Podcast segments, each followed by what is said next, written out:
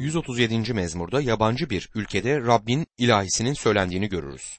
Mezmurları okurken insan kendisini sanki bir yolculukta gibi hisseder. Çevresi güzel manzarayla yemyeşil çayırlar ve çiçeklerle donatılmış bir yolda yolculuk yapıyormuş gibi insana gelir. Her mezmurun başlangıcı bir yol kavşağına benzetilebilir. Bu yol kavşaklarında levhalar bulunur. Yolun nereye gittiğini levhalar belirtir ama çoğu kez o kadar hızlı gidiyoruz ki levhaları okumaya bile zaman bulmuyoruz. Yol bize bazen sıkıcı ya da monoton gelir. Levha nereyi işaret ederse etsin her şey bize aynı görünür. 119. mezmurdan sonra da durum buna benzer. Mezmur yolunda ilerlerken birden 137. mezmura geliriz ve birden dördüncü vitesten sanki ikinci vitese ineriz. Neden? Çünkü önümüzde kocaman ışıklı bir levha yanıp söner. Üzerinde ise dur yazar. Aslında bu levha bize dur, bak ve dinle der. İşte burada 137. mezmurdaki bu levhaya dikkat etmenizi isterim. Üzerinde ışıklandırılmış üç tane söz bulunur. Dur, bak ve dinle sözü. Şimdi bu mezmurda yine düşmanlar üzerine bela gelmesi istenir. Bu noktada birisi şöyle söyleyebilir. Üzerinde böyle üç sözcük taşıyan bir levhanın ne anlama geldiğini bilmediğim için neden durayım? Şimdi yine söylemek isterim bu mezmur düşman üzerine laneti Tanrı'dan ister. Birinden öc alınması için Tanrı'ya yükseltilen bir duadır. Mezmunun şu son ayetini dinleyin. Ne mutlu senin yavrularını tutup kayalarda parçalayan insana der. Gerçekten çok kötü bir ifadedir bu. Ben bunu okurken şoke olurum. Burada kıpkırmızı bir ışık görüyorum. Yolda bana diyor ki dur. Açıkça konuşmalıyım. Bunu okuyup da geçemem. Neden böyle yazıldı bunu öğrenmek isterim. Bazıları yan çizip bu mezmurun bu ayetlerini geçer. Bazıları da üzerinden atlayıp geçmeye çalışır ama ben böyle yapmayacağım. Yan çizip geçmek kolaydır ama bence bu mezmuru iyi çalışmalı ve yanıtlanacak sorular varsa yanıtlamaya çalışmalıyız. İnsanlar bu mezmuru birkaç farklı şekilde yorumlar. Liberal kutsal kitaptan sapmış eleştirmenlerin mezmura bakış açısı çok basittir. Onu olduğu gibi reddederler. Bu kitabın kutsal kitapla hiçbir ilgisi yokmuş onlara göre. Yine bu insanların düşüncesine göre kutsal kitapta ifade edilmesi gereken tüm duygulara bu ters düşermiş. Bu yüzden de bu mezmuru reddederler. Tabii ki buna şaşmıyorum çünkü bu gibi eleştirmenlerin yöntemi budur. Beğenmediklerini söküp atarlar. Bir açıdan düşüncesiz birisinin tutumuna benzer bir tutumdur bu. Düşüncesiz bir adam gidip pazardan bir inek satın almış. Kısa bir süre sonra fark etmiş ki ineği beslemek için para harcaması lazım. Aynı zamanda fark etmiş ki ineğin altından da süt çıkıyor. Adam tüm dikkatini ineğin altına vermiş ama ön taraftan onu beslemeyi ihmal etmiş. Öyle ya, ön tarafın bakımı pahalıya mal oluyor. Süt tarafı ise faydalı. Ama bu durum uzun sürmemiş. İneğe ne olduğunu tahmin etmeyi size bırakıyorum. İnek beslenemediği için ölüp gidiyor. Bir açıdan liberal görüşlü yani insanların yüksek eleştirmen dediği bu insanlar da kutsal kitabı eleştirirken kendilerine yararlı olacağını sandıkları parçaları kabul ederler ama işlerine gelmeyeni reddederler. Sonunda ne olur? Ellerinde katliama uğramış bir kitap kalır. Bu sorun başka bir yoldan halledilmeye çalışılmalıdır. Bazıları safça der ki ben kutsal kitabın tümüne başından sonuna kadar inanıyorum. Ama neye inandıklarını bilmezler. Kutsal yazıları okumuyorlar. Sadece ben inanıyorum deyip geçerler. Kardeşim neye inandığını bilmen lazım.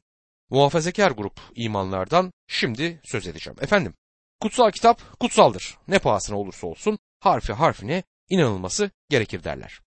Ama onu okumazlar. O zaman bu bağnaz bir yaklaşım olur. Binlerce muhafazakar imanlı var. Tüm güçleriyle ben kutsal kitaba inanıyorum derler ama inandıkları kitabın içerisinde ne yazıldığını ya da ne amaçla yazıldığını bilmezler.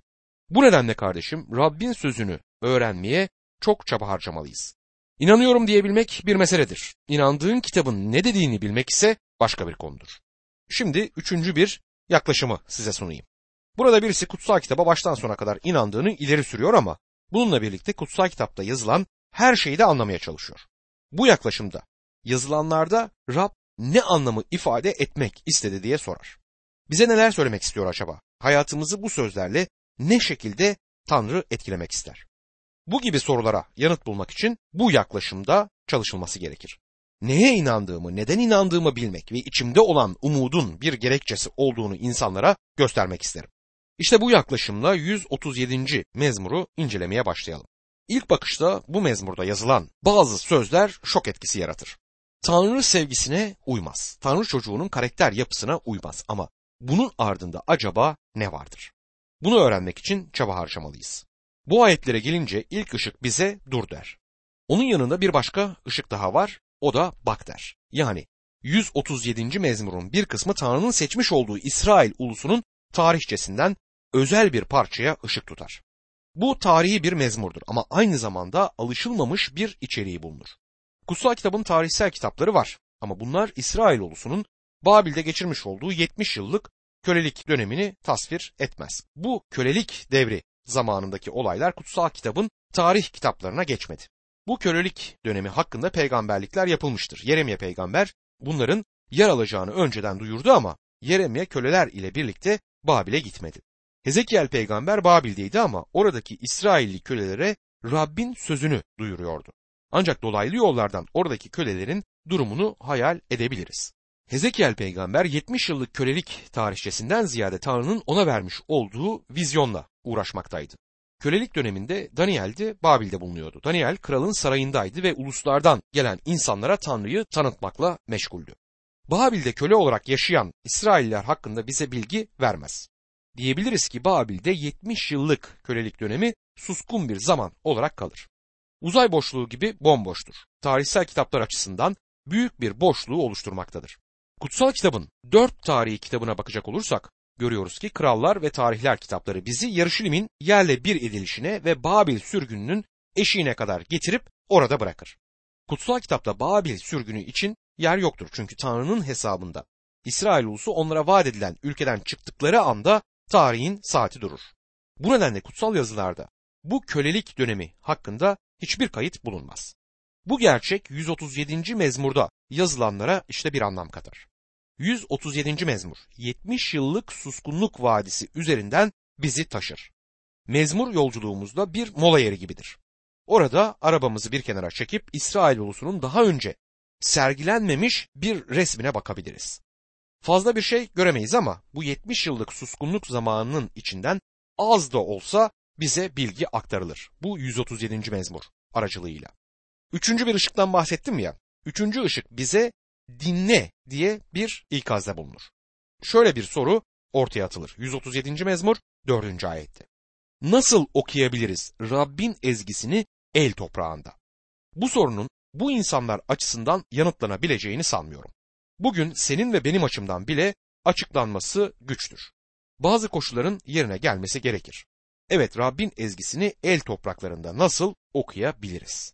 137. mezmur 70 yıllık kölelik döneminde bu halkın yaşamış olduğu trajik ve üzücü olaylardan söz eder. Bu mezmurda çok derin bir nefret duygusuyla birlikte en yoğun sevginin de ifade edildiğine tanık oluyoruz. Duygularının yarattığı fırtınanın içinde tamamıyla ezik bir duruma gelen bir halkı görürüz. Burada kaydedilen olaylar konusunda ifade edilmesi güç ama yoğun duygularla boğuşulmaktadır. Bu can damarına basan bir tecrübeyi ifade eder. İlk olarak bu insanları en çok etkileyen tecrübeye bakalım. 137. mezmur 1. ayet. Babil ırmakları kıyısında oturup Siyon'u andıkça ağladık diyor. Acaba bu mezmur nerede yazılmıştır? Babil ırmakları kıyısında diyor. Bu insanlar, bu halk başka insanların, başka halkların sürekli şekilde tecrübe ettiği baskı olaylarını yaşarlar şimdi. Goşen yöresinden tutun da Avrupa'nın gettolarındaki insan dışı muameleye kadar bu insanlar yurtsuz olmanın, reddedilmenin, ezilmenin ne olduğunu tecrübe etmiştir. Yabancı ülkelerde yabancılar arasında yaşamanın ne kadar üzücü olduğunu artık tecrübe ederler. Firavun'un günlerinde Mısır'ın angaryacılarından başlayarak Babil'in ırmaklarına kadar uzanan bir acılık zinciri onları sürekli incitti. Kölelerin çalıştırıldığı kamplarda ağır iş yapmanın ve bu yükün altında ezilerek ölmenin ne olduğunu biliyorlardı. Irmak kıyısı genelde baharı ve güzel piknik günlerini dile getirir ama bu halkın tarihçesinde Babil ırmakları işkence yeriydi. Orada ırmakların kıyılarında köle olarak çalıştılar, acı çektiler ve Babil ırmakları diye bahsedilen şey onlar için bunu ifade ederdi. Bu noktada bir soru sorulabilir. Acaba orada ne yapıyorlardı? İlk olarak şunu söyleyebilirim. Orada bulunmamaları gerekiyordu. Tanrı onları Babil'e değil Filistin'e getirmişti. Vaat edilen ülkede yaşamak için onları Mısır'dan alıp içinde bal ve süt akan diyara getirmişti. Vaat edilen diyarda İsrail ulusu Tanrı'nın halkı olarak çevresindeki uluslara Tanrı'yı tanıyan hayatın nasıl yaşanılacağını gösterecekti. Öyleyse Babil ırmakları yanında ne yapıyorlardı? Orada ne işleri vardı? Babil ırmakları diye yazar ama bu Babil'deki kanallardan söz eder. Fırat ve Dicle nehrinin kıyılarında kanallar kazan insanlar büyük bir olasılıkla işte bu kölelerdi. Babil'in o yöresini sulamak için bu kanallar kazılmıştır. Bu Yahudi köleler gün doğumundan gün batımına kadar o yakıcı güneşin altında çölde toprağa kazarak kanallar açıyorlardı. Babil ırmakları kıyısında oturup Siyon'u anımsadıkça ağladık diyor. Çok acıklı bir manzaradır bu. Bu kısa cümlede ezilmişlik, terk edilmişlik ve umutsuzluk bulunur. Başka ne yapabilirlerdi? Siyon'u hatırladılar ve 70 yıl boyunca sadece bir hatıra olarak bu kaldı. Mezmurlar Tanrı'yı yüceltmek için yazılan ezgilerdir.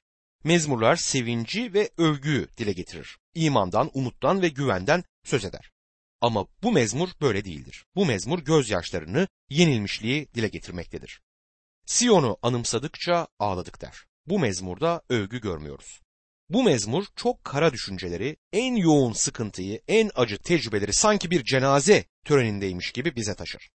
Siyon'u anımsadıkça ağladık. Burada Yaruşilim ile Babil arasındaki farkı hemen görüyoruz. Orada muhteşem dağların kuşattığı tepeler arasında en güzel konuma sahip olan bir Yaruşilim vardır.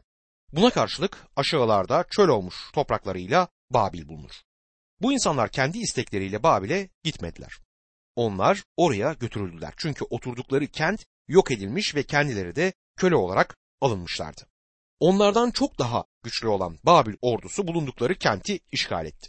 İşgalden sonra birçoğunu esir alıp Babil'e taşıdı. Onları hayvan sürüsü gibi tozlu yollarda, çöl yollarında güttüler. İnsanlıktan çıkardılar. Her birine haşereymiş gibi davrandılar. Şimdi vatan hasretiyle yanıp tutuşan, Siyon'u anımsadıkça ağladık diyen İsrail'i görüyoruz.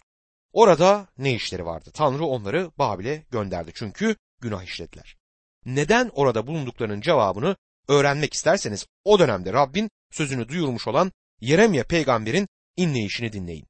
Yeremya birçok insanın gözünde bir hanım evladı gibiydi. Çok ağladı ama iyi bir nedenle ağlamıştır.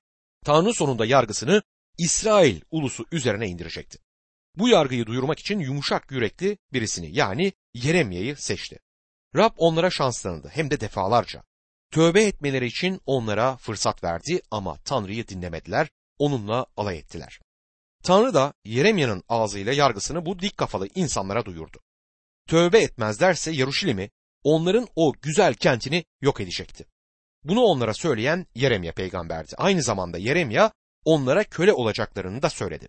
Çok sert ve dayanılması güç bir mesajdı ama Rab mesajı verecek olan adamın sert olmasını istemedi. Yeremya gibi yumuşak yürekli birisini seçti. Çok yumuşak bir yüreğe sahip bir adam yani Yeremya ağlıyorum bunlara gözlerimden yaşlar boşanıyor demişti. Tanrı yumuşak yürekli birini gönderdi ki mesajı verirken Tanrı'nın onlar için acı çektiğini bilsinler. Tanrı onları sever ama günahlarını görmezlikten gelmez. Yarışilim ve halk için ağıt yakarken Yeremya'yı dinleyelim. Yeremya'nın ağıtları 1. bölüm 8. ayette Yaruşilim büyük günah işledi. Bu yüzden kirlendi. Ona saygı duyanların hepsi şimdi onu hor görüyor. Çünkü onu çıplak gördüler. O da inleyip öbür yana dönüyor der. Bu insanlar neden Babil ırmaklarının kenarındaydı? İşte sorumuz budur. Çünkü Tanrı'ya karşı büyük bir günah işlediler. Bu nedenle kendilerini o Babil ırmaklarının kenarında buldular. Şimdi dinleyelim onları. 137. mezmur 2. ayet. Çevredeki kavaklara lirlerimizi astık diyor. Artık ilahi söyleyecek halleri yoktur. İlahi söylemezler, ezgiler okumazlar. Ne koroları vardır ne de artık koro şefleri. Orada tapınma şenliği diye bir şey olmayacaktır. Ezgi okuyacaklarına ığıt yakarlar, feryat ederler. Lirlerini kavakların üzerine asmışlardır. Çünkü bu müzik aletine ihtiyaç duymazlar. Siyon ezgilerini Babil ırmakları kenarlarında söyleyemezlerdi. Onlar daha önce Yaruşilim'de Rabbin tapınağında Rabbe ilahi söylediler. Şimdi ise Babil ırmakları kenarlarında lirlerini kavak ağaçlarının üzerine asmış, boyunları eğik oturuyorlardı. Bugün de mecazi anlamda binlerce Mesih imanlısı lirlerini bir ağaca asmış boyunları bükük oturur. Ve Rabbi övemez. Ona övgüler yükseltmiyorlar. Dudaklarında ezgi yok sadece şikayet. Mesih imanlısı kardeşim sen de yüreğindeki ve dudağındaki ezgileri yitirdin. Belki sen de bu İsrailliler gibi eski günlere bakıp eski coşkuyu hatırlarsın. Rabbe ilk iman ettiğin günlerdeki sevinci ve mutluluğu özlüyorsundur. Sen de o sevinç ilahisini kaybettin mi? Hayatına bak ve gör. Senin sevincini senden çalmış olan bir günahın var mı? Varsa tövbe et ve geri Rabbe onun huzuruna dön. Çok kritik bir tecrübeyle karşı karşıyayız 137. mezmurda. Bakınız 137. mezmur 3. ayet. Çünkü orada bizi tutsak edenler bizden ezgiler, bize zulmedenler bizden şenlik istiyor. Siyon ezgilerinden birini okuyun bize diyorlardı, diyor. Babil halkı İsraillerin her zaman ezgiler söylediğini bilirdi. Bu tüm dünyada bilinen bir şeydi ama ezgiler okuyan bu halka şimdi ne oldu? Bu insanların Babil ırmakları kenarına getirileceği Babil'de duyulunca herkes gelip onların ezgilerini dinlemek istedi. Şimdi göz önünde canlandırmaya çalışalım bu durumu. Babil halkı İsrail kölelerinin bulunduğu kampa akın akın geliyor, onları görmek, onları dinlemek için yanına geliyordu. Ama sadece bu kampta bir suskunluk var. Tüm dünya İsrail'i bilirdi çünkü Yarışilim'de bir tapınakları vardı ve bu tapınağa dünyanın her köşesinden insanlar gelip diri Tanrı'ya tapınırdı. İnsanlar Yarışilim'e geldikleri zaman orada cansız putlara tapınan bir halk değil, diri Tanrı'ya tapınan insanları gördüler. Bu insanlar bambaşka şekilde tek Tanrı'ya yaklaşmaktaydılar. İleride günahlar için kurban olacak birisini temsil eden kurbanların kanıyla bu diri Tanrı'ya yaklaşıyorlardı. Ona tapınan bu insanları biliyorlardı. Buna benzer bir şey daha önce başka bir yerde görmemişlerdi. Bunun gibisini de duymamışlardı. Bunun haberi tüm dünyaya yayıldı. Yarışilim'de neler olduğu Şeva kraliçesinin kulağına gelince dünyanın bir ucundan kalkıp oraya gitti. Böyle bir haberin gerçek olamayacağını düşünmüş olmalıydı. İsrail ulusunun yıllık bayramlarında halk türlü yerlerden Yarışilim'e gelip birlikte ilahiler söyler ve özellikle bu mezmurları okurdu. Herhalde mezmurların hepsi içinde müzik bestelemişlerdi.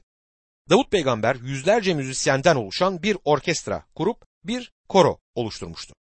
Tahminlere göre bazen yüz bini aşkın bir topluluk tapınağın çevresinde toplanıp Rabbe ezgiler söylerdi. Bu koronun sesini duymak gerçekten harika bir tecrübe olmalıydı. Şimdi tapınak yakılmış, Yarışilim bir yıkıntıya dönüşmüştü. Kentin sakinleri ise Babil'de köle olarak işe başlamışlardı. Birçok kişi Babil'e gelip bu insanları gördü. Bazıları şöyle düşünmüş olabilir. Bu insanlar Yarışilim'de bayramlarını kutlarken ben oradaydım. Dünyanın her yerinde kutsal kente geldiklerini gördüm. Tapınaklarının çevresine toplanıp yüz bini aşkın bir topluluk olarak ilahi söylüyorlardı. Kesilen kurbanlar sunak üzerinde yakılırken bu halkın dudaklarından ezgiler yükselirdi. Koro sesleri yerleri titretirdi. Buna benzer bir şeyi daha başka hiçbir yerde görmedim. Bu halk bir araya gelip de ezgiler okumaya başlayınca Tanrı'yı yüceltince tüm dünya bunun haberini alıyordu. Bu insanlar neden Tanrı'yı yüceltirlerdi? Çünkü onları defalarca bu Tanrı kurtarmıştı.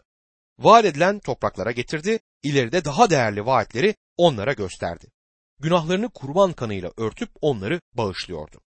Günahlı olduklarını bildikleri halde kesilen kurbanlar sayesinde Rabbe yaklaşıp seslerini, övgü namelerini ona yükseltebiliyorlardı. Bu İsrail ulusunun tapınma şekli işte bu gerçekleri dile getirip tüm dünyaya örnek olacaktı. Ancak onlar çok ciddi günah işlediler ve Tanrı'nın yargısına uğradılar. Sonunda Tanrı'nın onlara vermiş olduğu topraklardan atılıp Babil'de sürgüne gittiler. Şimdi yabancı bir ülkede yabancı bir halk onlara bize Siyon ezgilerini okuyun der.